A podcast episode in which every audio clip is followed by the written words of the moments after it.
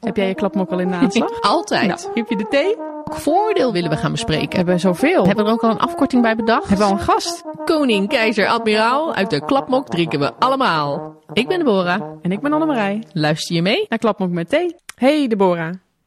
Hey Annemarij. Hi. Hi. Zitten we weer in een nieuwe aflevering? Ja, we hebben een nieuwe aflevering. En uh, het was wel weer eentje die uh, we even wat uh, planning nodig had. Ik werd ineens ziek. Dus onze, ja. toen we eigenlijk dit zouden gaan opnemen, ja, dat kon niet doorgaan. Want ja. nou, toen klonk ik nog slechter dan ik nu klink. Ja, je klinkt niet slecht, maar je klinkt wel alsof je verkouden, verkouden. bent. Ja, dat ben ik nog een ja, beetje. Ja, ja, ja. Maar, beetje met je neus. Ik zit een beetje met mijn neus dicht. Maar, maar ik ben wel weer helemaal beter. En, ja, gelukkig maar. Ja, maar dus helaas wel eventjes uh, online bij elkaar. Dus als het geluid ietsje anders klinkt dan anders, dan komt het omdat we via Teams met elkaar aan het, uh, aan het kletsen zijn. Ja. Um, ja, want anders hadden we geen aflevering. Nee, ja, precies. Dan hadden we gewoon een keer verstek moeten laten gaan. Ja, dat kan dat niet. dat is niet. geen optie. Nee. Nee, nee. Dat is, uh, maar goed, dat hebben we volgens mij al een keer eerder ook al een keer uh, was dat aan de hand. Ja. En toen hebben we dat ook. Uh, hebben het ook zo op kunnen lossen. Wij gaan gewoon door waar anderen, waar anderen stoppen. ja. Dus tot over de pijngrens. Nou, dat is het. Ja, tot over de pijngrens. Ver eroverheen. Maar ja. um, nee, want we hebben wel uh, een aflevering vandaag met iemand ja. die we eigenlijk al heel lang een keer in, in de show wilden. Ja, we hebben, het, we hebben het wel vaker geprobeerd. Ja, en toen begon hij ineens zijn eigen podcast. Ja, ja krijg je dat. Ja. Dat je denkt, nou. Ja, nou, hallo. Je zou bij ons ja. in de podcast komen en dan begin je ja. je eigen ding. Podcast. Ja, juist, juist. Dus, uh, maar goed, maar inmiddels is, uh, is alles een beetje veranderd. Dus, um, en nu zei hij, uh, ja, dat gaan we doen. Ja, ja. Dus die moesten we met beide handen aangrijpen. En dat hebben we gedaan. Ja. Daar gaan we. En, ja? Ja, nou goed, ik wil eigenlijk zeggen, en, uh, en hierbij uh, nodig ik jullie uit voor een nieuwe aflevering van Boer zoekt militair. Daar gaan we naar luisteren. Daar gaan we naar luisteren. Ja, vandaag uh, hebben we niemand minder dan de overste Gijs Tuinman als gast. Ja, Ridder Gijs. Ridder Gijs. We hebben hem weten te strikken, Annemarij, want... Uh, ja, eigenlijk kun je wel zeggen dat uh, Gijs inmiddels een alleskunner is. Uh, en heeft, heeft het zelfs op een nieuwe, is een nieuwe tour ingeslagen. Hè, dus in het kader van Boer zoekt militair. Gijs, wat, wat ga je doen? Eigenlijk is het de Boer-Burgerbeschermingvereniging, hè? Oh, natuurlijk. Ja, zeker, zeker. en ehm, ik heb de laatste nou, drie maanden veel en de de BBB gewerkt. En wat wel leuk is, het is echt een ledenvereniging. En uh, dus eigenlijk alles komt wel van, uh, van onderop. Uh, er zit echt een hele mission command structuur in. Dus iedereen denkt dat Caroline met de scepter zwaait en alles dicteert. En toch is het, is het vanuit, de, ja, vanuit de inhoud is het wel wat anders. En moet ik eigenlijk wel zeggen dat militairen en boeren toch wel heel veel gelijkenissen hebben. Het zijn mensen die, die graag hard werken. Die uh, ook wat behoefte hebben aan, uh, aan duidelijkheid.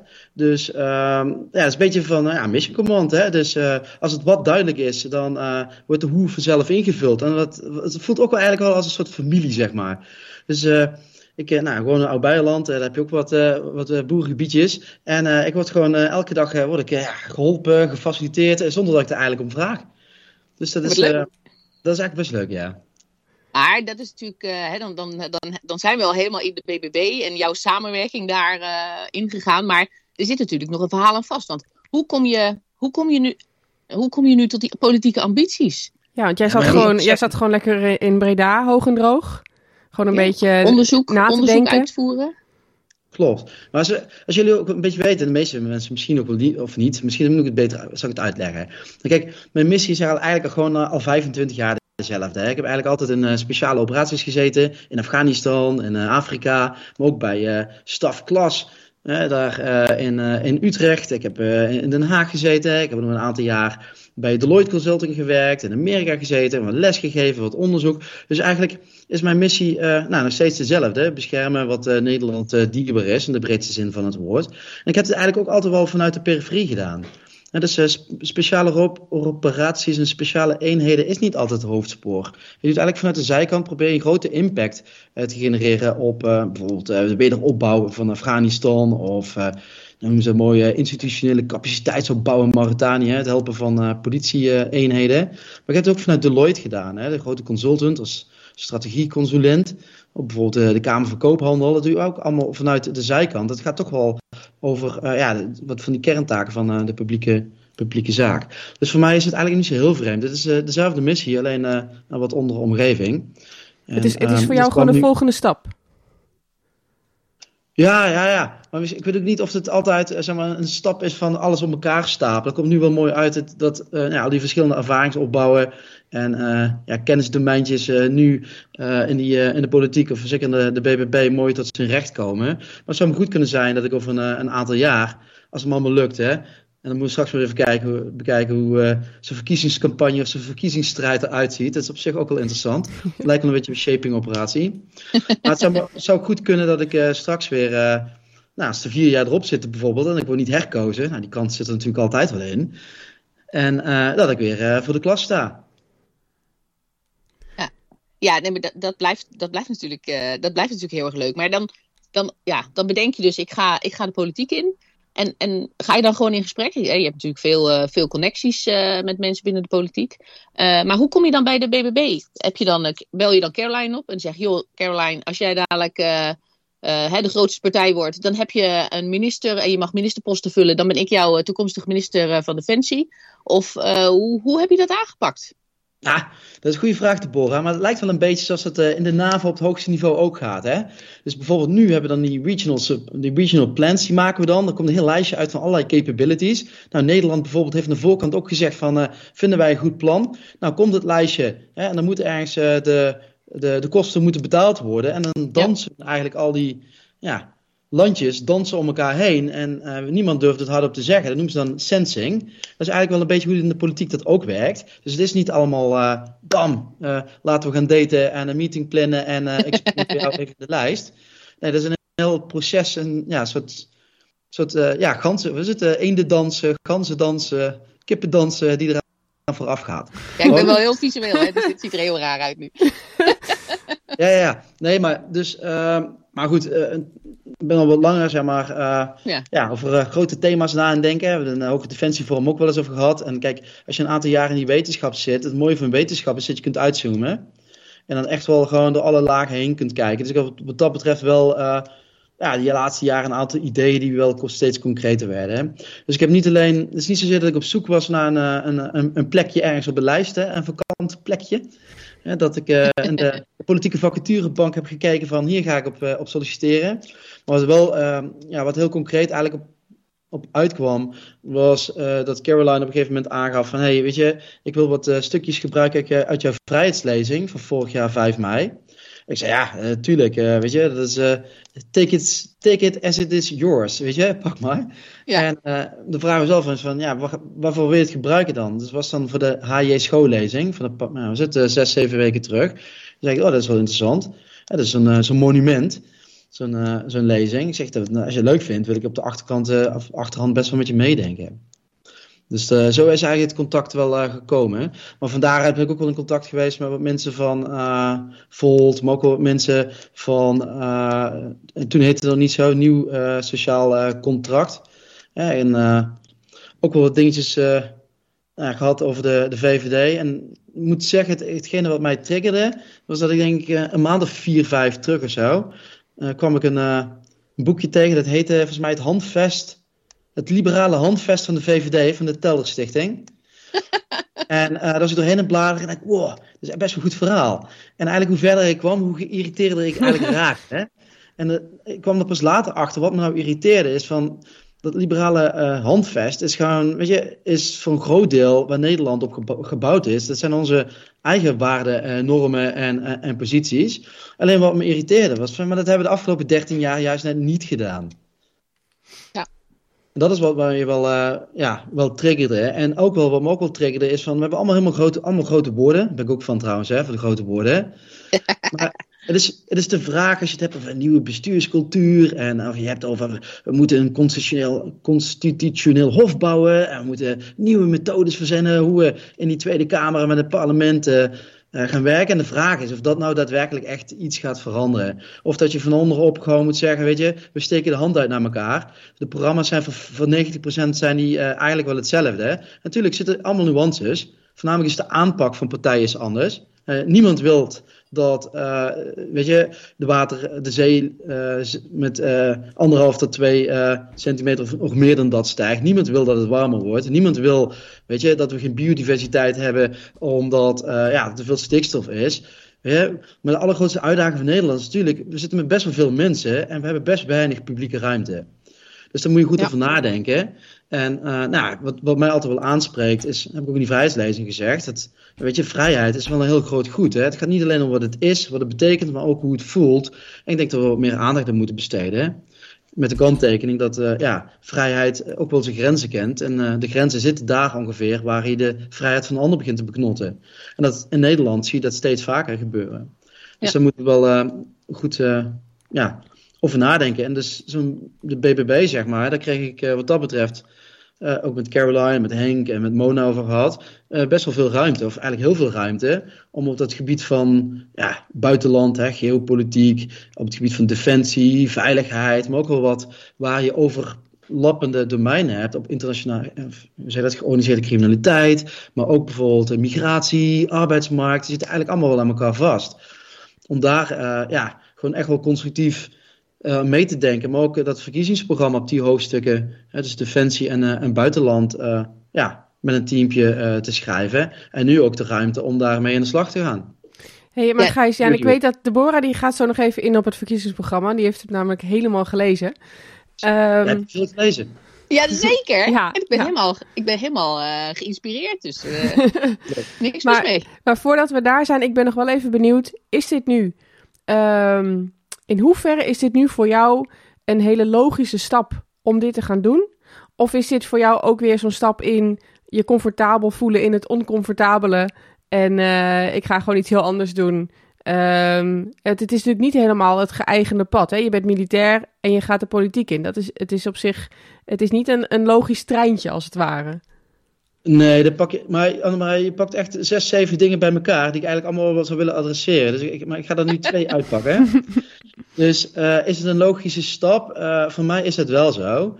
Dus uh, wat ik wel zie is, uh, als ik naar mijn eigen ervaringsopbouw kijk, hè, is dat die best wel breed is. Uh, zeg maar, zowel een militair, maar ook, ik heb een paar jaar bij Deloitte gewerkt in die publieke sector. Ik heb ook in Den Haag gewerkt in het, in het politiek-bestuurlijke wereldje en ben opco. Ik heb een paar jaar in, Amerika kunnen kijken.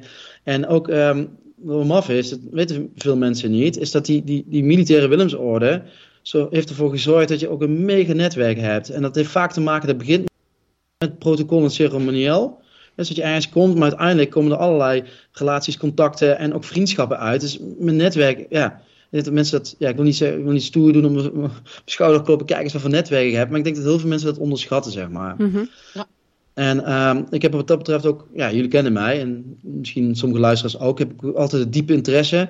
Dus ik ben altijd uh, deep thinking, wel bereid om heel diep uh, zeg maar, te graven in dossiers om te vinden of er iets in zit wat we over het hoofd hebben gezien. gezien. Ja, dat, dat past in de wetenschap ook hoor. Dat pakt het ook bij speciale operaties in Utrecht, Den Haag past dat. Maar in de politiek eh, past dat eigenlijk niet ook wel. Dus dat is de eerste.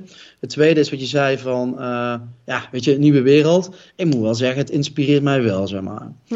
En, um, dus het speelt zeker een rol. Dus uh, gisteren ook een gesprek met, uh, met NRC. Die wil een groot artikel schrijven. En die zaten eigenlijk een beetje op de lijn van... Gijs, je bent gesidelined bij Defensie. Je bent een, een dwarse denker.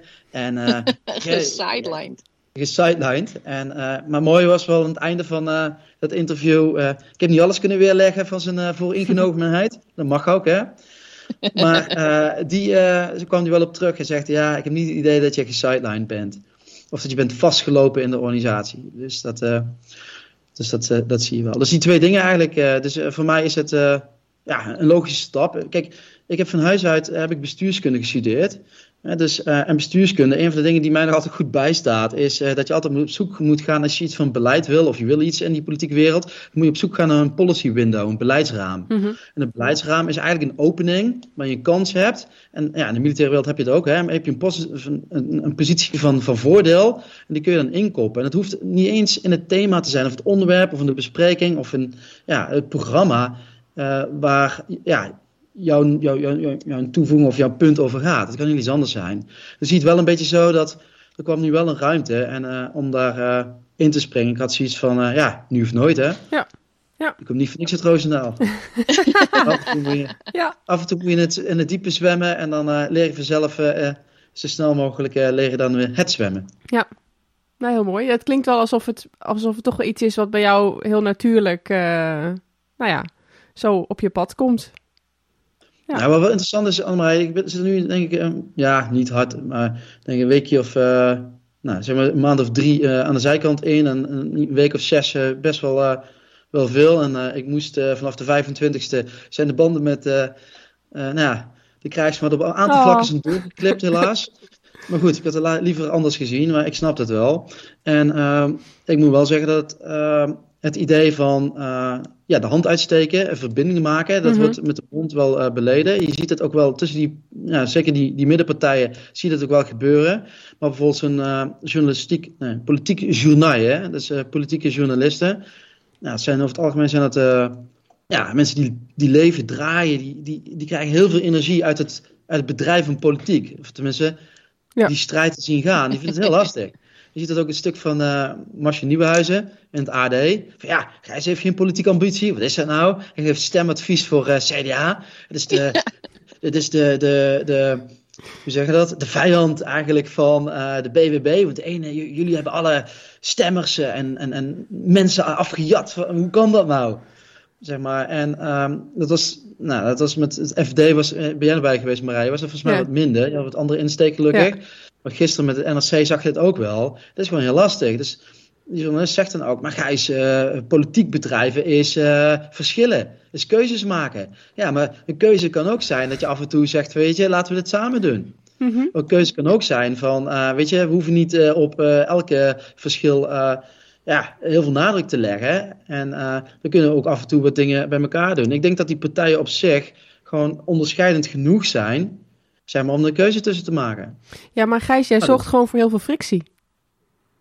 Nou, ik wilde eigenlijk zeggen dat ik eigenlijk, wat je, wat, wat je nu hoort hè, in het hele journalistieke, Ja. politieke omgeving, Spel. is natuurlijk exact, exact wat, wat er gebeurt in een klas. Hè, wanneer je voor de klas staat, dan, eh, dan, dan doorbreek je ook die gevestigde orde. Hè? Dan doorbreek je ook die mindset. Ja, maar het gaat altijd zo. En hoezo zeg jij, joh, stem op, eh, op CDA, want dat is net zo goed. Of eh, iedereen is Nee, verslag. niet gezegd, iedereen hè? denkt, waar gaat het over? Waar gaat het over? Wat, eh, wat- Ja, ja, Deborah en ik herkennen gewoon helemaal hoe er nu wordt gereageerd op jou. Ja, ja, dat is waar. Ik snap Dus die hele dat- heb- omgeving. Heb je dan een beetje vertrouwen in dat het goed komt? Ja, dat wel.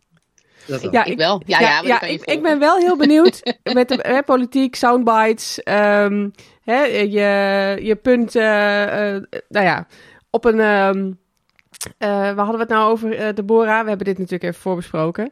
Ehm, hè, de, de, het effectbejag ook, hè? dat is natuurlijk ook heel erg in de politiek. Zie je dat ze, eh, nou, vooral even van die korte, snappy punten maken. En eh, Ja. vooral ook voor het effect, hè, wat, het, wat het dan sorteert. Eh, dus ik ben wel benieuwd, Gijs, hoe je dat nou gaat doen. Hè, er Ja. is geen ruimte voor een visual en een, eh, en een podcast en, eh en honderd boeken die je erover gelezen hebt. Ja, Het is toch klopt. echt een twee minuten motie. Ja, dat klopt. Maar het, de truc is natuurlijk dat 99% van het werk wordt achter de schermen verricht. Oké, ja. En, en eh, dus, eh, kijk, met, met one-liners en soundbites kom ik ook heel eind. Maar wat dat is wel leuk hoor. Ik heb eh, in, in de partij waar ik nu bij zit, heb ik ook de ruimte, zeg maar, om dat op iets andere manier te doen. Dus, eh, Oké. ja. Ja, je krijgt ook die Ik denk- ik vrijheid om het op jouw manier in te vullen. Ja, nou, het, zolang, zolang, zolang de houdbaarheidsdatum natuurlijk niet verstreken is. Dus, Kijk, politiek Maar- is ook dit, hè. Kijk, Ja. eh, eh, mijn lezing zou nu zijn, als ik een college zou geven over verkie- verkiezingsstrijd en ik zou, eh, weet je, ik zou een tip geven, zeker voor militairen of whatever, of mensen uit de, de overheid, het is een hindernisbaan. Het is nu volgens mij nog iets meer dan van zeven weken, het is een hindernisbaan van zeven weken. Je komt allerlei barrières tegen, allemaal hindernissen tegen, maar ook hindernissen die je niet van tevoren had gezien en niet geoefend hebt.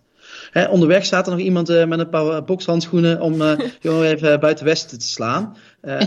En de, hier en daar heb je ook nog een, een, een virtuele afslag, een soort mat, voor Fata Morgana. Als je daar aan, ach- achteraan rent, kom je ook niet bij het einde. En de truc is, die hindernisbaan, die wordt voor een deel, wordt die, ja, de finishlijn ligt op de 22e. Dus je hebt acht minuten de tijd en best wat hindernissen. En op twee manieren kun je het niet halen. Als je ergens struikelt, geblesseerd raakt of eruit wordt geknikkerd, hè, zeg maar, ja, uit de wedstrijd wordt gehaald, dan haal je het niet. Maar als je niet binnen acht minuten binnen bent, dan heb je het ook niet gehaald. En dat is het een beetje. En het maf is ook wel, besef me goed, dat je dat niet allemaal zelf in eigen handen hebt. Dus het kan soms even, ja, niet letterlijk, maar, zeg maar virtueel of, nou ja, het kan je kop kosten, zeg maar. Uh, en uh, je kunt eruit liggen. Uh, en dan, ja, dan kan, hoeft het niet per definitie altijd aan jouzelf te liggen. Of dat je fout hebt gemaakt of dat soort zaken meer. Daar ben ik me heel, wel ja. bewust van. Ja, ja. ja Deborah, ja, verkiezingsprogramma. Nou ja, jij noemt het een verkiezingsprogramma. Maar ik heb ook wel eens begrepen dat het het BBB-gevechtsplan heet. Ja. In ieder geval het, het, de, de laatste hoofdstukken in het, in het nogal nogal grote verkiezings, verkiezingsprogramma, moet ik zeggen. Want het telt geloof ik 128 uh, bladzijden. Uh, ja, ja, ja. Maar uh, ja, als ik heel eerlijk ben, heb ik, heb ik mezelf nooit zo heel erg verdiept in, uh, in de BBB. Hè. Dat was natuurlijk echt gewoon de, de boerenpartij, zoals je dat dan... Uh, zoals, ja, zoals ik dat... Boer, boeren, burger en beschermer, hè? Ja, ja, precies, precies, precies. Boerenburger en beschermer. Ik heb het gezegd. Maar goed, hè, de gemiddelde Nederlander, de, de, die zit dat. Die zegt, oh ja, dat is, dat, is, hè, dat is de partij van de boeren. Dat zal. Um, maar ik ben echt gecharmeerd geraakt. Het was echt een enorm stuk. Maar het is eigenlijk, uh, omdat ik me erin ben gaan verdiepen, omdat ik denk, ja, waarom, waarom gaat Gijs dit nou doen? Waarom dan de BBB? Maar ik begrijp helemaal waarom je dit zou willen, want het is exact waar je, waar je mee begon. Uh, het is van onderaf. En ik begrijp, ik begrijp wat er staat. Ik lees het stuk en ik denk, oh ja, oh ja, oh, dit willen ze. Ik vind het ook heel concreet wat er staat. En het eerste wat ik las bij het, uh, defensie, buiten, of, het buitenlandse defensiestukje, toen dacht ik wel, dit, dit, het kan niet anders dan dat, dat Gijs meegeschreven heeft. Want het was zo herkenbaar. Ja. Maar we hebben, wel, we hebben wel een grote team gemaakt hoor. Ja, dat geloof ik ook uh, Ik weet niet of jullie hem kennen, maar Florian Huiskamp.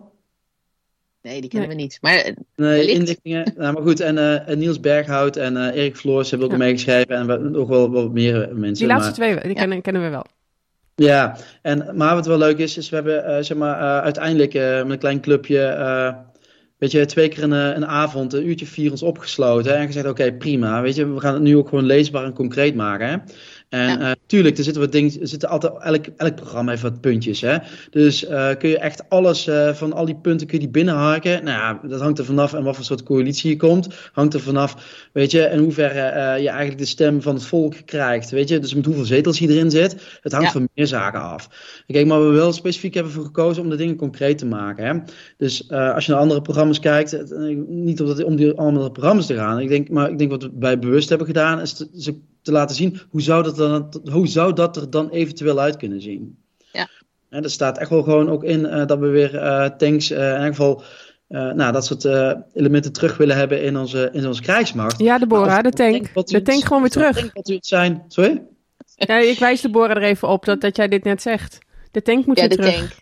Ja, ja. Ja, maar dat moet, ja, wat andere dingetjes ook. Ja. En dat moet niet terug, ja. hè. Dat moet op een andere manier moet je het inbedden. Hè. Kijk, wat, ja. dan haak ik aan, dan haak ik aan. Ja, en kijk, wat het punt ook is, weet je, dus uh, binnen ons eigen team ook heb ik elke keer, uh, we hebben eigenlijk altijd wel gezegd van luister, aan de ene kant moet je het zichtbaar maken, concreet maken in de zin van dat je, als je ogen dicht doet, je een idee hebt eh, wat er dan precies mee bedoeld wordt. Aan de andere kant ook genoeg hands-off. Want uiteindelijk, eh, boots in the ground are always right. Hè. Uiteindelijk moet de CDS, maar voornamelijk met bijvoorbeeld als hij over die denks gaat, met de landbouw aan de slag om het in te richten. Ja. Dus ik las vandaag ook weer een stukje in uh, de infanterist. Ja, dat, uh, dat vakplaatje dat ging dan over het uh, Wacky Strike complex. En dat uh, de Nederlandse krijgsmacht daar ook mee te oefenen is en te uitproberen. Ja, dat zijn de dingen, weet je, waarin je dat soort zaken moet laten landen. Hetzelfde geldt kun, je ons, kun je ons eens meenemen, even kort, wat het precies betekent? Wat is dat, waar we het nu over hebben? Gekkie strijk. Ja? Nou, kijk, dit, dit is iets wat je ook bijvoorbeeld in de Oekraïne sterk terugziet. Is dat je eigenlijk uh, de beslissingsketens uh, ja, van dat je daadwerkelijk een vijand ziet, totdat je hem daadwerkelijk kunt bestrijden, kunt versnellen. En dat je eigenlijk alle schakels die ertussen zitten, die niet noodzakelijk zijn, er tussenuit haalt. Ja. En dat je daarmee enerzijds uh, je, je gevechtskracht en je slagkracht versterken. Maar anderzijds wat je ook doet is uh, ja, je protectie. Dus je, je, bescherming, de overlevingskansen van je eigen elementen. Hè? Zowel militaire elementen als niet-militaire elementen uiteindelijk mee kunt versterken. Dus dat, maar dat zijn allemaal lastige concepten. En um, we weten niet precies hoe dat allemaal werkt. Ook binnen de NAVO niet. Ik ben de laatste tijd best wel wat conferenties afgerend.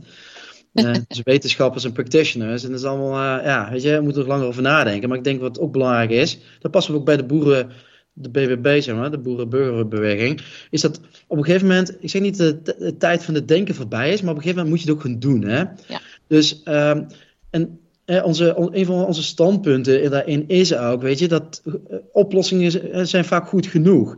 Dus je hoeft niet de 100% oplossing te gaan vinden wat jaren duurt met uh, heel veel dikke pakken en onderzoek en, en dat soort zaken meer. Maar op een gegeven moment moet je het gewoon bij de horens pakken. Je moet gaan proberen en dan moet je ook de ruimte hebben. Je moet geld hebben, je moet tijd hebben, maar je moet ook wel een mandaat hebben van of andere militairen als je dit gaat doen, of van de burger als je het hebt over politiek om ook uh, te gaan uitproberen. En als er dingen misgaan, weet je, maar dan moet je dat, bijvoorbeeld, nou, voor de politieke, keuzes dat is wat uh, zegbaar, ook met zijn, zijn toelagen, uh, toeslagenfraude bijvoorbeeld. En de doelstelling was om voornamelijk de, het misbruik daarvan in te perken. En, en dat werkte heel goed. Dus dat programma wat er lag, zorgde ervoor dat de, de fraude op het gebied van toeslagen met 98% wordt beperkt. hoeveel beter wil je het? Alleen de consequentie daarvan is, is dat een aantal ja, groepen uh, dusdanig zwaar, uh, ja, uh, zwaard in hun, zie je dat? Ja, zwaar geraakt zijn eigenlijk. Ja, zwaar, ja, ja, ik wou zeggen zwaard in hun nek, maar ik bedoel het zwaard van de Damocles nou ja, niet alleen boven hebben gehad, maar ook in hun nek hebben gehad. En dan hebben we geen ruimte meer om dat of dat te corrigeren, of terug te gaan naar ja, het begin, hoe we het ontwikkeld hebben. Ja, nou, we zeggen altijd, uh, een beetje gedesigned hebben. En dan zeggen, oké, maar weet je, we zijn hier doorgeschoten en dan slag je terug. En kijk, en onze insteek is meer van, weet je, begin gewoon met een 80, 80% oplossing. Je, ben niet all in, maar zorg dat je gewoon, zodra je hem in de slag gaat, dat je, dat je zoveel mogelijk feedback terughaalt. En ook van allerlei verschillende perspectieven. En dat je dan eigenlijk continu uh, kunt bijsturen. Want in, in onze wereld de BBB-wereld. Nee, maar dus ook in onze militaire wereld, niks, niks, niks is zwart-wit. Dus je denkt dat je weet hoe het werkt, totdat je daadwerkelijk ja, dat probleem eh, bij de horens pakt, of daadwerkelijk in een crisisgebied uh, de eerste voet aan de grond uh, zet, en dan uh, lost de rest van de informatie zich in. En ziet het ja. toch net iets anders uit dan dat je in eerste instantie dacht. Ja. ja. Dus dat is het nou, idee. Ja. ja. nou ja, precies, precies. En ik, ik moet zeggen, het is, wat, ik al, wat ik al zei, het is heel concreet, het is heel uitgebreid. Uh, als ik het vergelijk met andere uh, defensiebijlages of daar waar defensie ondergebracht is in een hoofdstukje of, of, of wat dan ook van andere verkiezingspartijen, denk ik echt dat jullie er wel uitspringen. Uh, als het gaat om wat bedoel je daar dan mee en wat betekent het voor Defensie? Hè? Als Defensiemedewerker denk ik, oh, dit is heel herkenbaar. Uh, ik begrijp wat er staat. Ik kan me ook wel voorstellen dat mensen denken, oh, waar gaat het ineens over? Is dit, is dit Defensie? Hoort dit bij Defensie? Is Defensie hiermee bezig? Hè? Wat je natuurlijk net al aangaf, uh, de AAA en het halen van uh, edel, uh, edelmetalen uit, uit de. Ja. weet je, is, dat, is dat iets wat leeft? Is dat iets wat aanspreekt? Of spreekt dat juist de militair aan? Is het misschien niet te veel detail voor mm. het politieke niveau? Ja. Hoe hebben jullie daarover nagedacht? Nou, precies op deze manier. ik heb het even voor je ingevuld. ja. Nee, dat, is terecht. En weet je, en uh, de, uh, de tijd zal uitwijzen wat werkt en wat niet werkt. Ja. En uh, kijk, we hebben wel wat uitgangspunten, die staan ook aan de voorkant. En ja, dat, en daar kan ik me eigenlijk heel, heel goed in vinden. Dat vind ik me best wel bij thuis. En dat is het, uiteindelijk hetgene wat we wat daarin hebben, hebben uitgewerkt. Hè. Kijk, en wat, dat is natuurlijk de uitdaging is uh, dat uh, nou, die, uh, de BBW, zeg maar, is ja, een single-issue partij. En het treft of het raakt of het is alleen aantrekkelijk voor een hele specifieke doelgroep. Nou, dan zijn het ook nog eens een keer 600.000 Nederlanders. Hè? En als je de, de tweede ring ermee neemt, dus broers, zussen, familie, opa's en oma's, zit je op 1,3 miljoen Nederlanders. Dat is ongeveer 10, nou, dat is meer dan 10% van de bevolking. Dus weet je, het is altijd, het is altijd noodzakelijk om die te raken. Maar ik denk dat uh, met dit programma en ook als je naar de kieslijst kijkt en uh, hoe we ons de laatste tijd proberen te profileren ook op het gebied van de verschillende thema's. Hè. Dus Nicky Powers bijvoorbeeld en, zit zowel jurist als zit in de, de, medische wereld. Lilian Helder zit in, die, in, de, in de politieomgeving. En uh, Cor Pierik bijvoorbeeld, nummer 8 geloof ik, is altijd woordvoerder geweest bij Bureau voor Statistiek hebben dan uh, de heer Seibels, hè, dat is een, uh, een econometrist en een wiskundige die altijd in de bankaire wereld heeft gewerkt. Dus we hebben wel op allerlei vlakken wel specialisten bij elkaar uh, gebracht. Ja. En um, nou, we zijn nu hard aan de slag om juist die overliggende ja, niveaus en dossiers wat bij elkaar te krijgen. Dus dat is leuk. Ja. Ja, en uh, Gijs, als je stel, hè, jij bent straks onze nieuwe minister. Wat, ja, maar wacht even, hè. Oh, die kans is natuurlijk best reëel. Ja. Als je de nummer drie op een lijst bent, hè, de kans dat je dan, hè, ik, wat je net zegt, je hebt best wel een grote achterban die je vertegenwoordigt. Nou, ervan uitgaan dat het gros van de achterban uh, dan ook op de, op de partij zou stemmen, omdat hij zich daar natuurlijk toch het meest uh, in herkent. Uh, is de kans best wel reëel dat BBB straks drie of meer zetels heeft in de Kamer. Ja, dat klopt. En, dan ga je meeregeren en dan zou het zomaar kunnen. Maar er zijn wel heel veel, heel veel stappen tegelijkertijd voor, hè? Ja, is het zo? ja, kijk, je, allereerst uh, moet, uh, je door de, verkiezings, moet ik de verkiezingsstrijd, hè, de hindernisbaan, moet ik zien te overleven. Dat is één. Twee. Nou, je bent een overlever, Gijs. Er geen twijfel dat dat niet zo is. Ja, maar de enemy also has a vote, hè? know yourself, then know your enemy. En uh, nee, maar dat is, dat is de eerste hindernisbaan, uh, de hoorde die, waar, waar, je doorheen moet. De tweede is uh, dat je eigenlijk met een, een grote fractie in die, die Tweede Kamer moet zien te komen. Ja. En dan, kun je ook, heb je ook wat ruimte, enerzijds om je programma uit te voeren. En anderzijds dan heb je datgene precies waarop insteken. Dat, is, dat kennis van de werkvloer gewoon relevant is. En meer ja, een dominantere positie moet krijgen in de debatten en überhaupt wat politiek is. Maar de truc is wel een beetje voor, uh, voor eigenlijk elke partij dat de tien zetels is wel echt een minimale. Hè? Anders heb je zoveel dossiers dat het best wel lastig is om uh, ja, de diepgang ja, te moet je keuzes maken. Mhm. Ja, dus, uh, dus eerst moet ik er doorheen zien te komen. Het tweede is, is dat je echt wel genoeg body hebt om in die Tweede Kamer om een punt te maken. De derde is, en dat is niet aan mij, hè, en, is dat je uiteindelijk in een ja, en een, uh, een coalitie ja, terechtkomt. Dan hebben we nog informateurs, formateurs. Dat begint het, dat NAVO, dat sensing. Van allerlei partijen die elkaar gaan voelen. En weet je of dat wel of niet gaat werken. Programma's, dat soort zaken. Dus dat is nog een eentje. Dan is er nog een keer, weet je, hoe de verdeling eruit ziet van, van, van die posten. En dan de volgende is dan, oké, wat zijn dan eventueel de namen die erop komen. Dus er zijn heel veel hordes uiteindelijk wat dat betreft in te nemen. En uh, kijk, ik zeg niet, uh, nou, ik zeg, ik zeg nooit nee. Nee. Niet, niet.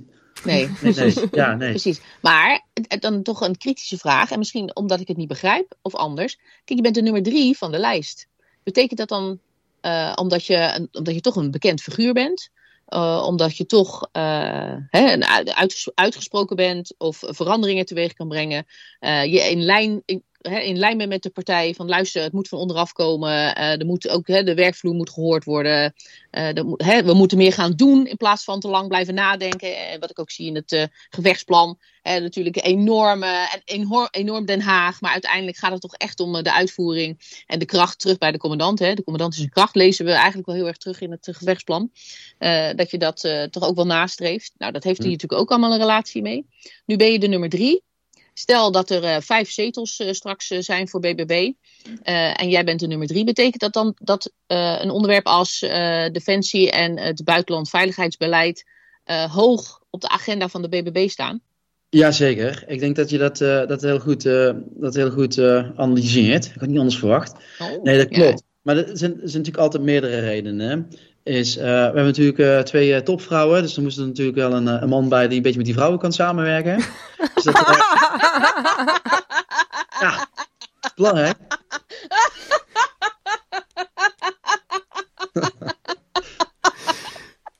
ja, nou snap ik waarom ze bij jou uitgekomen zijn. nee, nu, maar nu valt alles op zijn plek. Alles op zijn plek. je gooit er een kwartje in en je krijgt er een daalder uit, hè? Precies. Nee, oh, alle gekheid op het stokje. Ja. Nee, dat zijn natuurlijk een paar dingen. Kijk, um, uh, maar het, ja, heel had gezegd, het klikt gewoon goed met uh, Caroline, met Mona en met Henk Vermeer. Dus ik denk dat dat belangrijk is. Het tweede is, is uh, dat iedereen brengt een eigen unieke capaciteit met zich mee.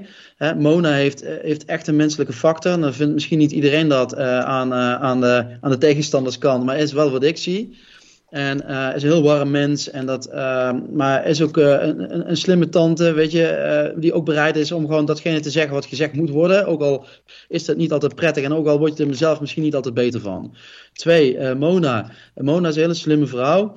Is, ehm, het straalt, ja, ik vind het wel mooi hoor. Het uit. Ik was laatst, stond ik ook naast haar en toen werd ik wel weer wat stiller. Ik spreek er een paar keer per week nu.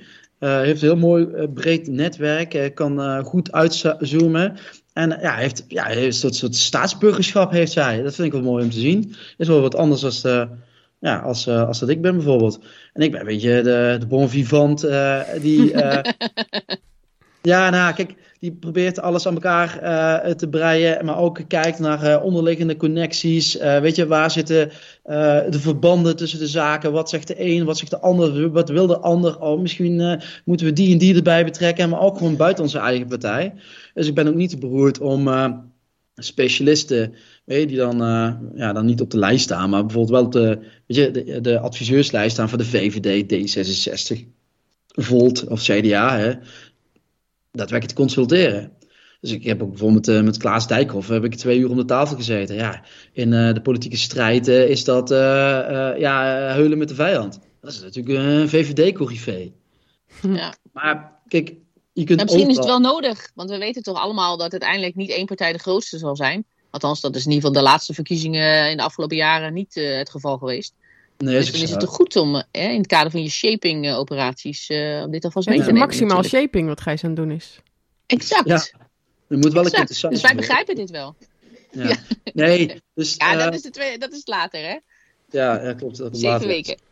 Ja, zeven weken. Ja, de verkiezingen win je op die day. Niet de week ervoor, niet de week daarna, dat is waar.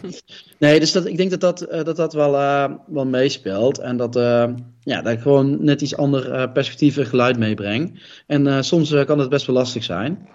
En ja, soms ook, ook niet. Ik denk dat, ik vind het wel leuk dat Caroline, zeker als fractievoorzitter en ja, oprichter van die partij, ook ja, daar ook wat, wat risico in durft te nemen. En iemand die niet alleen iedereen naar de mond praat en bezig is om in, ook in het, in het journalistieke, journalistieke spectrum ja, de geluiden te laten horen die je denkt die je moet laten, te laten horen. Maar ook af en toe geluiden hoort die noodzakelijk zijn om te laten horen. Dus ik, uh, ja. ik ben er blij mee. Ja, ja en uh, wat is nou jouw uh, Trinity in dit hele proces? Ja, goede vraag. Dan, maar ik heb natuurlijk meerdere Trinities. Mm -hmm. Even een beetje tijd in tijd. ja, dat klopt. Oké, okay, uh, Annemarie, uh, je, je, vraag is, uh, wat zijn mijn, mijn trinities? Ik denk, als ik zo even uitzoom, dat de Clausewitziaanse trinity, hè, dus tussen de bovenliggende dan van mensen, overheid en, en krijgsmacht, dat, dat een hele mooie trinity is. Nee, maar even alle gekheid op het stokje. Ik denk dat dat wel belangrijk was hoor. En, uh, en niet zozeer de, de, de, relatie tussen bijvoorbeeld uh, krijgsmacht en, uh, en politiek, maar wel, weet je, hoe het uiteindelijk allemaal werkt. Hè? Dus als je nu een beetje uitzoomt, dan zie je wel dat, nou, dus dat de wereldorde is aan het kantelen. En nou, we zien met Oekraïne ook. Dat dat, en Rusland, dat dat nou, niet allemaal helemaal lekker gaat. Maar ik, ik ga er wel vanuit, of ik denk dat we er wel vanuit kunnen gaan dat hè, zeg maar, eh, China, maar ook wat er gebeurt in Afrika, het kruidvat van het Midden-Oosten, nu een Israëlisch-Saoedisch pact wel of niet, waarbij de Palestijnen gewoon echt in een uh, pak worden genaaid. Op dat vlak, zeg maar. Mhm. Dat, het, ja, dat gewoon een groot kruidvat is. En dat het de komende 10, 15 tot 20 jaar van een groot deel, zeg maar, onze. Uh, ja, geopolitieke omgeving gaat definiëren. En dat is, uh, staat één ding staat centraal, dat is onzekerheid.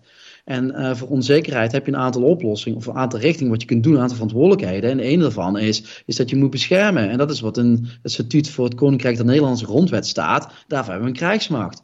En die krijgsmacht is, uh, dat is hartstikke prima van een democratie. Maar je hebt wel een monopolie op het geweld voor het buitenland. Nou, de kracht daarvan is, is dat je toezicht hebt. Hè? Dat, dat die krijgsmacht niet zo heel makkelijk uh, een koep kan, militair koep kan plegen. Ik ga het niet doen. Uh, maar aan de andere kant is het, dat, aan de andere kant is het ook best wel kwetsbaar. Want als die krijgsmacht namelijk niet functioneert of niet datgene geleverd wat nodig is en wat noodzakelijk is, dan zijn we toch wel at risk. Naast het feit dat het niet efficiënt is, hè, kost natuurlijk heel veel geld. Ja. Maar zo'n zo, zo krijgsmacht, uh, het gaat dus over het verdedigen van onze nationale belangen. En die zijn er weer verwoord in onze nationale veiligheidsstrategie. En uh, ja, je kunt je afvragen op een aantal vlakken of wij uh, op dit moment zelf, onszelf daar een dienst mee bewijzen. Dus door enerzijds, je kunt niet alles zelf, je moet het bondgenootschappelijk doen hè, met onze vrienden, -hmm. NAVO, EU. Nou, daar komen allerlei vragen uit. En ook een aantal behoeftes. Dus de vraag is eigenlijk, waarom doe je dat niet? Waarom besteed je niet minimaal 2% van je BNP aan je krijgsmacht? Tweede is, dus dat is alleen geld. Hè? Weet je, die, die 2%, dat wettelijk vastleggen, dat moet wel voor de lange termijn. Maar dat is niet eens wat ik het meest interessant vind en belangrijk vind. Wat belangrijk is, is dat je constructieve en op lange termijn financiering hebt. Want de wereld blijft veranderen, de vijand blijft veranderen, wij zelf blijven veranderen. Dus je krijgsmacht blijft altijd in ontwikkeling. En kijk, en als je naar Oekraïne kijkt, weet je, een beetje, ja, de lessen, weet je, iedereen lessen. Maar weet je, wat, je gewoon echt wel gewoon heel erg opvalt, is de totale schaal. Hoe groot dit is, de letaliteit, maar ook dat de strijd, de echte strijd die plaatsvindt, is een strijd voor adaptatie. Dus weet je, dus niet zozeer heb jij, uh, dus niet innovatie, van heb ik de, de, de, de mooiste noveliteit waar ik, ben ik de vijand definitief of decisive kan verslaan, maar kun je een organisatie opbouwen, een mindset opbouwen, capabilities, systemen, processen opbouwen, dat je continu blijft aanpassen. En aanpassen betekent één ding, en dat is heel lastig, is dat je continu beseft datgene wat je hebt, dat het niet goed genoeg is, dat je ernaast zat. Ja. Dus weet je, en dat is hetgene wat, wat belangrijk is. En dat is iets wat uh, in het verkiesprogramma eigenlijk leidend is. Dus de, de, vraag is, ja, weet je, sla die 2% of minimaal 2%, sla die nou gewoon vast. Mm-hmm. We zijn altijd in verandering. Uh, de krijgsmacht, de landmacht, de luchtmacht, DCC is altijd in een reorganisatie. En dat is, is me goed ook. Ja, en het tweede is, hou dan de kwantitatieve en de kwalitatieve zeg maar, uh, vragen of, of eisen die dan uit zo'n haven komen, komt, hou die dan centraal of uh, gebruik die als leidraad of als handvest of handvast voor het, uh, het inrichten van die krijgsmacht en de investeringen die je doet. Maar wat ook een belangrijk punt is, als ik naar de grondwet kijk en ik kijk naar het, uh, dat statuut, dus met enkel alleen al je eitjes in het NAVO leggen, moet je je afvragen of het grondwettelijk is. En dus daarom zijn we wel uh, fan van uh, nieuw sociaal contract en van Pieter Omtzigt. En we hopen dat zo'n constitutioneel, zo ja, zo'n constitutioneel hof er ook snel komt. Want het, het, zijn van die vraagstukken die daar wel zou kunnen neerleggen. Maar is dat nou grondwettelijk? Taakspecialisatie. Ja? Dus dat, zijn, ja, dat is wel belangrijk. Maar dat is dan hoofdtaak 1, zeg maar. Ja, ja. ja interessant. Ja. Ja. wat mij opvalt is, is, is inderdaad, hè, als je dan natuurlijk uh, niet alleen naar het uh, defensiegedeelte kijkt van het verkiezingsprogramma, hè, het gevechtsplan. Uh, maar het is natuurlijk ook wat je net aanhaalt, hè, dat we moeten nadenken over de lange termijn. En dat we eigenlijk moeten stoppen met de vier, vier jaar. kijk, sommige besluiten moet je gewoon nemen met een langere visie. Hè, dat de BBB nu ook niet gaat voor een regeerakkoord, maar voor een regieakkoord. Om, dat, meer, om meer die lange termijnvisie weg te zetten. En dat integreerde mij ook eigenlijk wel in het hele verhaal. Dus ik vind het eigenlijk wel een heel sterk heel sterk uitgangspunt. En als je dat zo uitlegt, uh, denk ik wel dat het gewoon een heel goed ding is. Nou, kijk, wat je, wat je ziet, tenminste, onze analyse van de afgelopen, zeg maar, 15 jaar of 13 jaar kabinetsperiode is, is datgene wat echt een rigoureuze impact heeft gehad hè, op onze samenleving, zijn allemaal zaken die we niet van tevoren hebben zien aankomen. Ja. Een beetje, zeg maar, black swans. Nou, ik zou zeggen dat nou, uh, nou, Nassim Taleb, hè, dus een schok die niet ziet aankomen, maar er zit ook wel pink flamingo's bij. Hè? Dus uh, zo'n toeslag, die hadden we eigenlijk, er zijn genoeg alarmbellen afgegaan, die hadden we wel kunnen zien aankomen, maar die hebben we wel gewoon, weet je, weet je onze handen voorgehouden. Dus, maar goed, dus je ziet dat, dat die, die, die schokken, zeg maar, eigenlijk niet uh, aan de voorkant van zo'n regeerakkoord in te calculeren zijn. Dus je kunt alles wel vastslaan en er een business case van maken, hè. Weet je, om ja. dat in vier jaar op te lossen. Maar punt is uh, dat dat uh, niet heel goed heeft gewerkt. Ja. dus uh, heel hard gezegd dat als je uitzoomt, kun je eigenlijk zeggen dat de afgelopen 13 jaar hebben we Nederland gerund als een, als een bedrijf en de schatkist is op dit moment leeg. Zeg ik niet, zeg het, zegt het, het Centraal Planbureau van onze overheid. En dat de schatkist leeg is. Dus ik wil niet zeggen dat, dat op bedrijfsvoering sturen of uh, dat soort dingen, dat je dekking moet hebben voor je plannen. Ik zeg niet dat dat niet relevant is. Ik zeg maar dat iets anders is ook relevant. En wat ja. ook relevant is, is dat je uh, nou, de zaken die langer zijn dan, dan een vierjarige periode, op dit moment kun je die niet kwantificeren altijd. Dus wat je krijgt is dat, uh, ja, dus, dus dus alles in die vier jaar moet leggen. Dat je alles gaat kwantificeren, geld op gaat leggen. En het lastige daarvan is, is uh, ja, dat zaken als defensie, maar ook bijvoorbeeld, denk maar eens een keer over onderwijs. Hè. Dus als ik ja. investeer als overheid in zo'n best even basis- en middelbaar onderwijs, levert dat nooit geld op. Het levert sowieso geen geld op, maar het is ook niet rendabel. Waarom niet? Omdat dat zijn allemaal kiddo's Weet je, die niet de komende vier jaar de, de, de bedrijfswereld instappen of de overheid instappen. En ook niet de vacatures vullen in alle vacatures die we hebben op allerlei overheidsdiensten. Dus dat telt allemaal niet mee. En de vraag is, weet je, ja, is dat, uh, vinden, vinden we dat belangrijk of niet? Het is een beetje visieloos. Kijk, ja. ik besef... En is het een beetje de tendens van, van, vanuit de hele politiek wel? Of zeg je, nou, je loopt wel de BBB heel erg voor hoor, met dit gedachtegoed uh, binnen de politiek? Ik denk dat je wel een nieuwe wind ziet waaien, dat het wat breder als dat is. Maar kijk, ik besef me ook heel goed. Hè. Ik heb natuurlijk ook zelf uh, bestuurskunde gestudeerd. Ik heb uh, bij Deloitte gewerkt uh, met business cases. Dus kijk, als je het hebt over een begroting, is iets anders. Hè. Een begroting is sluiten. Een begroting is ook gewoon wetgeving. Dus weet je, het hangt een beetje van af waar je het over hebt. Maar een verkiezingsprogramma is lange termijn. Het gaat over je standpunten, gaat over waar je in gelooft. Ja, het de gaat visie. Over... Ja, ja. En ook dat doorrekenen, kijk, natuurlijk is het relevant. Maar wat het, wat het wel doet, het creëert een perverse prikkel. Dat als je de zaken doorrekent, het CPB zegt het zelf, we kunnen alleen doorrekenen wat in de komende vier jaar financieel te maken is.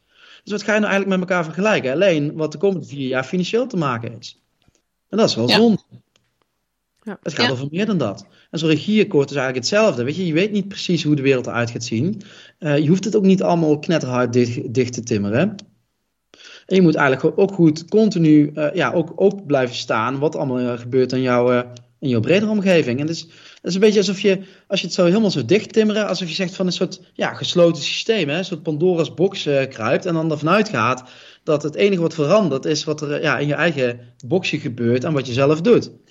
Nou, volgens mij ook, uh, als je nu uh, om je heen kijkt, is het hè, energiecrisis, nou ja, woningcrisis ook, hè, stikstof. Ik zeg, ja, het ligt allemaal aan onszelf, maar hoop van die zaken is ook EU-wetgeving en heel veel zaken kunnen we niet zelf aan tornen, omdat dat in een hoger gelegen ja, juridische entiteit uiteindelijk wordt vastgelegd. En dat geeft gewoon veel minder ruimte om eraan te kunnen sluiten. Dat is gewoon zonde. Ja. Ja, ja, voordat we verzanden in dat juridische blokje, wil ik eigenlijk teruggrijpen naar uh, de, vraag, de vraag die Annemarij eerder stelde. En waar, waar ik toch nog even op terug wilde gaan. Want stel, hè, die day is daar. En uh, ja hoor, allemaal, uh, allemaal één groot feest. Meer dan tien zetels voor de BBB. En nou, dat is toch echt wel wat melk. of, wat is het? oh god, ik ga weer met spreekwoorden. Wat ga je zeggen? Wat ga je zeggen? Ja, iets met broccoli en melk in de pap ah, dat soort okay. dingen. Maar dan ja. in een andere volgorde. Nou, meeregeren. Jullie mogen Juist. de defensiepost gaan leveren. Nou, jij wordt uh, natuurlijk uh, direct naar voren geschoven. Nou, Op ik zie jou zo binnenlopen via, via het plein, via de, de rode loper. Oké, okay, wat gaat er veranderen? Wat wordt het? Wat voor minister wat... word jij? Nou, dat zullen we tegen die tijd wel zien. ja, we willen wel een tip van de sluier natuurlijk. We hebben zo'n 30.000 potentiële stemmers, uh, Gijs. Die hè, ook naar onze podcast luisteren. Wat, uh, ja. wat wil jij ons als stemmer uh, meegeven? Ja, en wij, Want moeten, wij zien natuurlijk wij, uh, dit, alvast, wij zien dit gebeuren. Precies, en wij moeten alvast nadenken over vervolgfuncties. En willen wij voor jou werken straks? Precies, wij zitten in Den Haag. Blijft de functie bestaan? Hè? Dat, is even, dat is een grote hamvraag. Commandant in zijn kracht, hup, mandaten naar beneden. En dan? Nee, maar jullie mogen wel blijven werken hoor. Okay. Ik ben ook niet, ik ben ook zeker niet, uh, ik ben ook zeker niet tegen Den Haag. En kijk, wat een mooi voorbeeld. Kijk, uh, ik, ik, gebruik dan even de woorden van uh, de oude directeur van de Algemene Rekenkamer, heeft het zeven jaar gedaan. En die zei eigenlijk van wat maf is in Nederland, waar we heel erg op spaak lopen, is dat uh, beleid en uitvoering dat het gescheiden is. Het is een, een, hij zegt, in de jaren zeventig is dat uh, in onze, ja, onze publieke uh, instituties, in onze politiek is dat er ingeslopen. En dat is een soort van wet geworden, terwijl het eigenlijk gewoon nergens in verankerd is. Dus wat, wat grappig is, kijk, mijn insteek zou deze zijn. Hè? Dus we hebben altijd problemen en uitdagingen. Maar kijk, wat we nu doen, we hebben een probleem of uitdaging, er moet beleid komen. Wat die Algemene Rekenkamer-directeur ook zegt, maar beleid is, is papier en papier is geduldig. Dus dat papier, dat is geen beleid. Het beleid is gericht om daadwerkelijk problemen zeg maar, aan te kunnen pakken en daar kaders voor te bieden. Heel veel papier, papier. hebben we twee mensen in een militair pak die moeten dat toetsen op uitvoering. Ja, Weet je, maar ook op het gebied van. We hebben nu een hele CIO-office ingericht. Dat zeker. Een, uh, Chief ja, Information Chief Officer. Officer. En dat, wordt, en dat is goed. Nou, ik weet niet of het goed is. Hè. Ik vraag me af of dat soort Silicon Valley taal ook daadwerkelijk resoneert in een publieke organisatie. En of dat resoneert in een specifieke organisatie als de krijgsmacht. Maar dat is iets anders. Hè. En dat zo'n zo'n zo'n um, CIO-office, uh, zeg maar, dat, nou, dat komt dan door al die, uh, al die staven heen. En uh, de vraag is natuurlijk van, weet je, of die twee mensen, en misschien dat je het verdubbelt, hebben er vier. Wow, we hebben vier mensen die toetsen op beleid. Of uitvoerbaarheid. En misschien als je er 20 mensen, misschien zijn 200 mensen zijn er niet voldoende. Maar deze twee mensen nu moeten dan ook al het beleid wat vanuit het CIO-office komt op het gebied van data integrity, uh, data dignity, uh, data nou ja, uh, science, moeten ze ook valideren. Ja, maar hoe dan? Ja. Wat ga je nou precies valideren dan? Wat, wat, wat, wat proberen we nou precies daadwerkelijk in die organisaties te laten resoneren. En begrijp me goed, hè? ik ben niet uh, een, een slagkracht, uh, gevechtskracht fetischist die enkel alleen gelooft in harde capaciteiten. Want voor mij is bedrijfsvoering voor een deel, levert dat gevechtskracht zeker op de langere termijn. Hè, gevechtskracht is ook niet alleen maar hard power, er zit ook soft power bij. Dus en data kan... science? Ja, zeker. Maar de vraag is, de vraag is wel van, weet je, hoe laat je dat nou daadwerkelijk op die werkvloer landen? En ik heb wel steeds met het idee dat er een soort split komt tussen het een en het ander. De een zegt van jullie begrijpen het niet, dit is allemaal niet uitvoerbaar, het is een kansloos verhaal. En de andere zegt eigenlijk van uh, jullie begrijpen het allemaal niet, maar dit is hetgene wat je moet gaan doen, want dit is de toekomst. Ja. Dus die, uh, ja, dat is ja, nou, wat, wat, wat veel meer mensen zien, hè, dat uh, die split wordt die wordt steeds, eigenlijk steeds groter. Dus, uh, en die moet je gewoon veel dichter bij elkaar krijgen. En het mooie is, nou, heel veel uh, nou, dames en heren, hè, zeg maar, die de afgelopen vijf tot tien jaar, of misschien wel tussen nu en de afgelopen tien jaar, ook bij de DGB en ook in de, in de ambtelijke molen of ambtelijke toren bij de krijgsmacht erbij zijn gekomen. En weet je, maar die willen allemaal op de werkvloer ervaring opdoen. Ik was uh, gisteren ook bij, of was het gisteren? Nou, de dagen kwijt. Uh, bij uh, de conferentie bij Klingendaal. Dat ging dan over de Nederlands-Duitse samenwerking. En er waren ook een aantal, nou, weet je, jonge wetenschappers, jongens, dames en heren. En die zeiden eigenlijk allemaal van, ja, weet je, ik werk bij HC6 of ik werk bij Klingendaal of ik werk bij TNO. Hè, dat is hartstikke leuk. Ik schrijf alle dingen en dat zijn best goede dingen en ik ben geïntrigeerd. En dat dingen, maar ik heb geen flauw benul. En hoe hoeverre dit nou daadwerkelijk helpt, of de mensen in de krijgsmacht of uh, de diplomaten faciliteert in Libië en in Irak of in uh, Oekraïne bij het beter uitvoeren van een taak of uh, de Nederlandse belangen of de, de, Nederlandse middelen die we inzetten of onze, onze diplomaten die we inzetten mm -hmm. of de, de, de taal en de boodschap die zenden, of dat nou beter werkt. En die willen gewoon heel graag in die, in die organisatie werken. En er zijn toch best wel wat barrières, ondanks Defensity College, dienjaar en stages en dat soort zaken meer. Dus ja, we hebben grote opgaven, er zijn echt wel wat, uh, wat uitdagingen, maar er zijn ook best wel wat, uh, ja, wat mogelijkheden en kansen die we veel beter kunnen uitnutten. Ja, ja. ja interessant hoor. Ik zie al een, een soort open organisatie ontstaan. Ja, dat is sowieso. Hij moet sowieso platter. Juist. Ja. ja, mooi. Mooi, leuk, interessant. Ik ben heel benieuwd. Ja. Zeker. Mag. Ja, Anne Annemarij, ik denk dat we richting een afronding uh, moeten gaan, hè, gezien ja. de tijd. Ja. Want het, uh, anders gieren we uit de tijd qua aflevering. Nou, dat is voor sommige luisteraars uh, helemaal niet interessant. die blijven toch wel luisteren? ja. ja, die blijft toch wel luisteren. Gijs, ik denk dat ik ook namens Annemarij mag spreken. En dat we jou ontzettend veel succes willen wensen in die ja. komende laatste, nou zeven weken, hè, vanaf het moment dat we deze podcast hebben opgenomen natuurlijk, uh, tot aan uh, die day. De hindernisbaan. Uh, de hindernisbaan. Dat je die zonder kleerscheuren en heel huids mag nemen. Ehm, ja, en we hopen natuurlijk op, op een succesverhaal voor de BBB en dus ook voor jou. en ik ben heel benieuwd uh, wat je dan vervolgens teweeg kan brengen binnen onze organisatie. Want je hebt. Uh, of in de Kamer. Hebt, of in de Kamer, precies. Uh, maar ja, dan wordt het een indirect voor de organisatie betekenen, verwacht ik dan. want je hebt een hoop goede ideeën. Jouw kracht zit in mijn beleving echt dat je andere mensen aanzet tot nadenken. Dat het niet de gevestigde paardjes zijn die we do doorlopen. En ik denk dat we dat nodig hebben. Ook binnen onze organisatie. En ja, ik gun je dat succes van harte.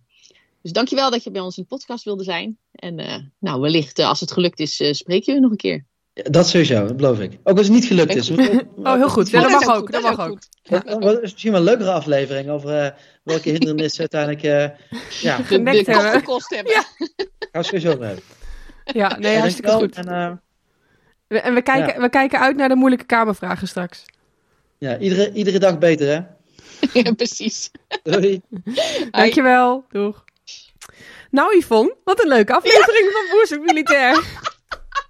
Ja, ik zat hetzelfde te denken. ik denk, En wat denk jij?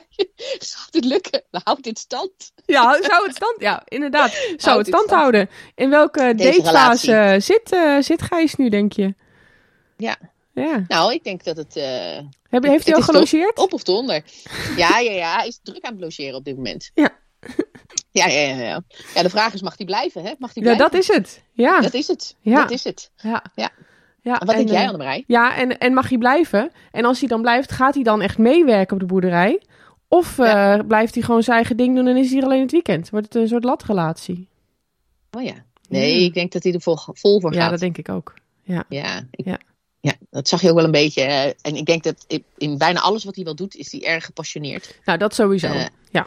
Dus ik denk dat als hij de kans krijgt om dit, eh, om dit mega-avontuur eh, daadwerkelijk in te kunnen vullen, dat hij daar ook echt volledig voor gaat. ja, nee, dat, daar ben ik ook wel van overtuigd, inderdaad. Ik, het viel mij ook wel een beetje op, Deborah, even Ja. richting jou. Ja. Jij hebt je natuurlijk heel goed ingelezen. Ja. Ehm, jij bent wel heel enthousiast over de BBB. En we moeten er natuurlijk geen reclamecampagne van maken. Nee, dat klopt, dat klopt, dat klopt. Nee, maar het is voor het eerst. Ik ben altijd, eh, ik ben altijd, ik ben altijd een trouwe kiezer. Ja. En ik eh, kies dan eh, op, op die ene partij. En dan Ja. denk ik, nou, dit gaat het worden. En dan lukt dat, of dan lukt dat niet. En dan prima.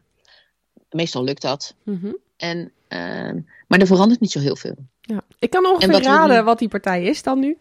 Maar, ehm, ja, dus, ja, en, Ja. maar wat ga je dan nu doen? Dat is inderdaad dan de grote vraag. Dat is een grote vraag. Ja, Maar ik moet heel eerlijk zeggen, ik ben echt, eh, echt gecharmeerd geraakt van eh, de manier waarop de BBB zich, eh, zich, zich opstelt. Kijk, ik ben niet met alles eens. Hè. Er staat natuurlijk keihard in dat ze niet gaan voor de megakazerne in Zeewolde. oh, ja daar zijn wij natuurlijk voor. Ja, nee, ja, precies. precies. Ja. Dus dat, dat, Laat die er maar gewoon lekker komen. Ja. Ja, precies. Hup, schrappen die regel. Maar er Ja. staat zoveel inhoud in, die, in het gevechtsplan. Mhm. eh, dat die misschien ook wel gewoon over het hoofd gezien kan worden. Of dat dat misschien wel ter onderhandeling is. Hè? Maar goed, ik begrijp wel in het kader van het feit dat daar dan eh, ja, acht boerenbedrijven het. eh, Dat zal wel Het zwaar gaan ruimen. Ja. Ja, precies. Hè? Dat is toch een beetje een intern conflict in de partij. We, Als je hebben dan dit, we hadden dit net even aan Gijs moeten vragen. Ja, nou, ik moet er ook iets over houden voor de volgende keer. Ja, dat is waar. Dus- Ja. Want dan kunnen we het echt over de inhoud hebben. Ja. En wat blijft er nu overeind staan in deze dat coalitie is die ze moeten vormen. Ja. Ja, toch? Ja. Ehm, Die, die schrijven we op en die bewaren we nog even. Ja. Ja, ja, precies. Maar wat mij het meest aanspreekt is, is, eh, is die verandering in de, de gevestigde orde. Hij geeft zelf ook wel aan, je hebt ook wel iets nodig. Hè? Je hebt toch wel een, een, een, een bepaalde vastigheid nodig. Maar eh, we moeten verder kijken. En daar Mhm. waar het kan, hè, beleid maken. Het is natuurlijk, je kan beleid maken voor onderwijs, je kan beleid maken voor defensie. Als je daar maar over vier jaar, een horizon van vier jaar voor pakt. Ja, dat klinkt natuurlijk heel erg leuk. Ehm, maar heel veel veranderingen, ja, die trek je over die vier jaar heen voordat je daar een keer resultaat voor ziet. Ja. Dus dan krijg je natuurlijk wel heel gauw, ja, ik heb nog niks gezien. Nou, wat heeft dit kabinet nou eigenlijk opgeleverd? Eh, weet je, krijg je die eh, standaard discussies altijd hè, tegen, de, tegen, tegen het nieuwe verkiezingsjaar aan. Mhm. Ehm, omdat het gewoon veranderingen zijn die gewoon langere tijd nodig hebben. Of een langer vast budget, zonder dat je constant afhankelijk bent van de politieke hè, wind die waait. En ik weet dat we dat ook wel eens een keer besproken hebben met, eh, met onze hoofd, eh, hoofd, eh, hoofddirectie financiële Finance en Control. control. Ja. denk Financiën en control. Ja. Financiën en Control, de HDFC. Ja. Over, over financiële middelen. En dat toch heel duidelijk werd dat, dat het gaat om de democratie. En dat we, hè, dat, dat belangrijk is. eh, Maar en dat het niet al vast ligt. Maar iedere we hebben on- haar onlangs ook horen draaien, toch? Voordat ze wegging. ja, dat is dus wel was waar. ze ineens wel voor de 2%. Dus ik weet ook niet in hoeverre dat toen eh, gezegd moest worden. Ja, ja, precies. Of het gewoon een veilig Dat- antwoord was. Dat wij even Of, werden eh, afgetikt, want we zijn toch een democratie. En eh, Ja. vervolgens zijn we een jaar verder en roept het zelf ook. Dus ja, Ja. ach, Ja, daarom. Het is het, misschien het momentum. Het Ja, momentum. precies.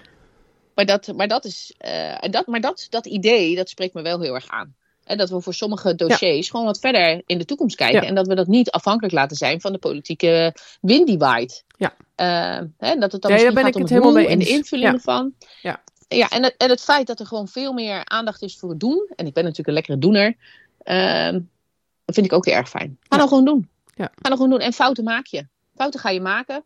Maar, maar accepteer dat met z'n allen. En Ja. word er beter van. Ja. Weet je, en natuurlijk, en natuurlijk zijn fouten, hè, wat hij zelf natuurlijk aangaf in de toeslagenaffaire. Als er zoveel mensen geraakt worden daardoor. eh, en ook niet een klein beetje ook. Ja, dan heb je gewoon echt een mega fout gemaakt. Mhm. En dan moet, dat, en, en dan moet, je daar, dan moet je daar natuurlijk ook naar acteren. Dan moet je daar ook je verantwoordelijkheden in nemen. Ehm, maar laten we terug naar de basis gaan en kijken wat was, waar is het fout gegaan en wat moeten we dus vooral nooit meer doen. Ja. Of anders gaan doen. Ja. Eh, Ja, maar dat is wel een hele eh, goeie. laten we daar iets mee doen. Ja. Heel toevallig, ik had gisteren een netwerkdag watercrisis. En dat ging Oh. ook eh, voor een heel groot deel over eh, klimaat, klimaatverandering en klimaatveiligheid en Ja. dat soort dingen. En eh, daar was dit ook een heel groot onderwerp. Van, hè, je, je moet aan de ene kant, eh, moeten we met elkaar, hè, moet je snappen wat er niet goed gaat. En eh, dat, ja, dat stappen gezet moeten worden.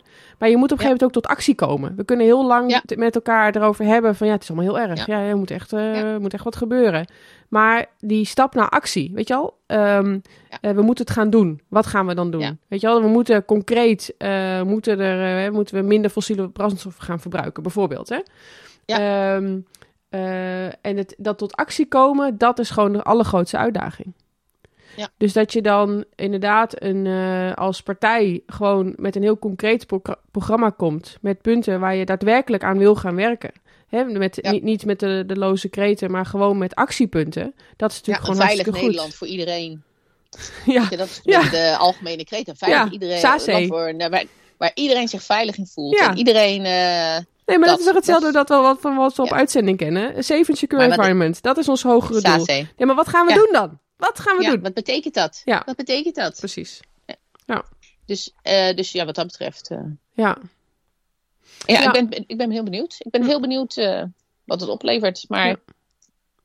ik denk dat het goed is. Oké. Ik denk dat het goed is. En, en ga jij dan straks in het kabinet van onze nieuwe minister werken? Alles anders maken. Alles anders maken. Ja, ga Nou ja, jij, jij gaat dan de visuals maken de hele tijd voor de minister natuurlijk. Ja, dat sowieso. Ja. dat sowieso. Maar dan wil ik wel een visual team. Want ik ben in mijn eentje daar niet, eh, niet de beste in. Hè? Dus eh, Oh ja, ik- dat, vind ik, wel- dat vind ik wel goed. ja we, we hebben er nog wel een paar uit onze HDV-lichting die ook dat heel goed konden. Ja, we kunnen zo ja. een team samenstellen natuurlijk. Ja, dat, precies, Hmm. precies. Dus wat dat betreft eh, zie ik daar wel kansen in. Maar ik denk wel dat als we zo'n staande organisatie als eh, hè, de politieke partijen waar, ze, waar, we nu in, waar we nu tegenaan kijken, als we dat Mhm. willen doorbreken, als we willen kijken naar eh, een defensie zoals we dat nu kennen en eh, we moeten overgaan tot doen, de commandant moet in zijn kracht, we moeten die verantwoordelijkheden naar beneden durven schuiven en ook los proberen te laten, niet alles helemaal in willen regelen, dan denk ik wel dat we binnen Defensie wel iemand zoals Gijs nodig hebben. Ja. Die, dat allemaal, die dat allemaal in beweging kan zetten. Al die heilige en het allerbelangrijkste, al die heilige huisjes omver krijgt. Eh, en het allerbelangrijkste voor hem is dat er dan een team omheen staat eh, die hem volgt. Ja. Eh, en die meegaat. Want anders dan ja, is een heleboel herrie in gebouw A. En dan komt het niet in gebouw B en C terecht. Ja. Zeg maar. Ja. En Nee, ik, ik denk het wel. Ja. En, dat is, en dat is wel goed. Ja. Ja, dus ik ben heel benieuwd. Heel benieuwd naar deze, naar deze toekomst. Ja, ik ook. Wat dit gaat brengen. En eh, ik, hoop, eh, ik hoop dat hij eh, kansen krijgt. En, gaan we, en we gaan het zien waar dat We, heen gaan, loopt. we gaan hem Ik gewoon ga het volgen. nauwgezet volgen. Ja, Ja. precies. Leuk hoor. Ja, precies. Ja, Ja. En, en, nou, ik ben, en als hij dan niet minister wordt, maar hij komt natuurlijk gewoon in de- sowieso in de Kamer. Ja, Ja. ik ben nu al bang voor al die Kamervragen die we binnen gaan krijgen hoor. nou ja, ik, ik ben benieuwd van welk niveau die dan zijn. ja, nou ja. Ja, precies. Nou Maar goed, die, eh, die, worden toch, eh, die, die gaan we toch iedere dag binnen zien komen, denk ik. Dat is natuurlijk het leuke, Ja. hè? even voor inkijkje voor de mensen die naar ons luisteren. Als je dan in. Den Den Haag zit, dan krijg je ehm, al die Kamervragen die, eh, die worden uitgezet. Dat komt allemaal in de mail voorbij. Nou, dat is echt dagelijks komen er een paar, komen er een paar langs. En, ehm, en soms dan heb je al, eh, dan komt er, staat bijvoorbeeld iets in de krant. En dan eh, wordt dat alvast even rondgestuurd van oké, eh, even onderling zeg maar. Oké, let op, hier zit misschien iets voor ons in. Dan kan je er vast een beetje op voorbereiden. En inderdaad, een paar dagen later krijg je dan, dan moet je binnen twee weken of zo moet er dan ehm, een officieel antwoord komen. En dan moet iedereen Ja. aan het werk. Het is wel, we hebben natuurlijk een, onze eerdere aflevering met Nicole de Wolf. Niet de laatste, maar toen we al eens een keer eerder met haar hebben gezeten. Toen hebben we het Ja. hier ook over gehad, hè? Over de Ja, een Kamervragen. beginafleveringen, hè? Ja, Over de, de, de Kamervragenmachine. Ehm, En ik had er toen nog niet zoveel beeld bij. Ik werkte toen nog niet in Den Haag. En inmiddels zie je dat allemaal van dichtbij gebeuren.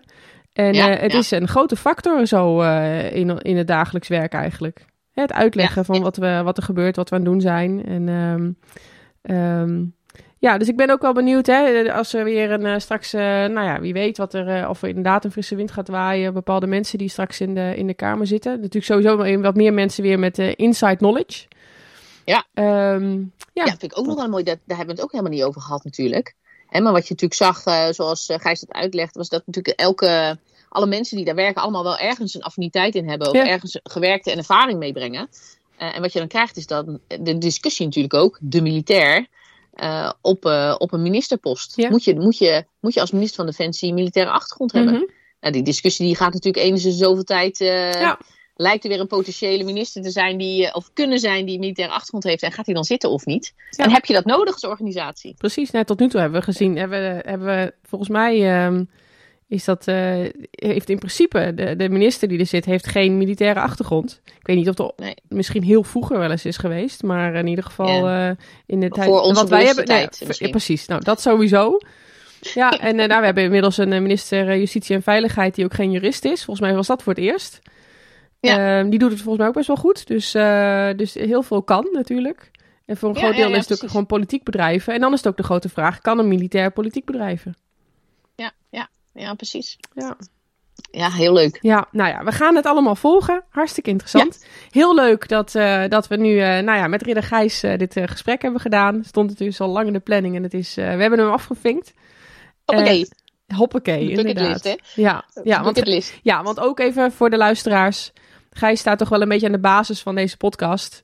Um, Absoluut. Hè, we zijn natuurlijk, omdat hij uh, had bedacht, uh, we gaan geen nota schrijven als toets voor krijgswetenschappen, maar uh, we moesten een podcast opnemen. Dat is voor ons toch wel de grote aanjager geweest. ja, voor Klapmok met thee uiteindelijk.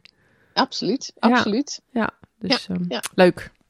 Ja, zijn we nog elke week dankbaar voor. Ja, ja, en jullie ook denk ik als luisteraar. Ja, zeker. nee, Ja. hartstikke goed. Nou, Annemarij, dit was hem weer, denk ik. dit was hem. Ja, leuk. Ik zeg uh, dankjewel. Jij ook en uh, Ja. tot de volgende Tot- keer. Tot de volgende keer.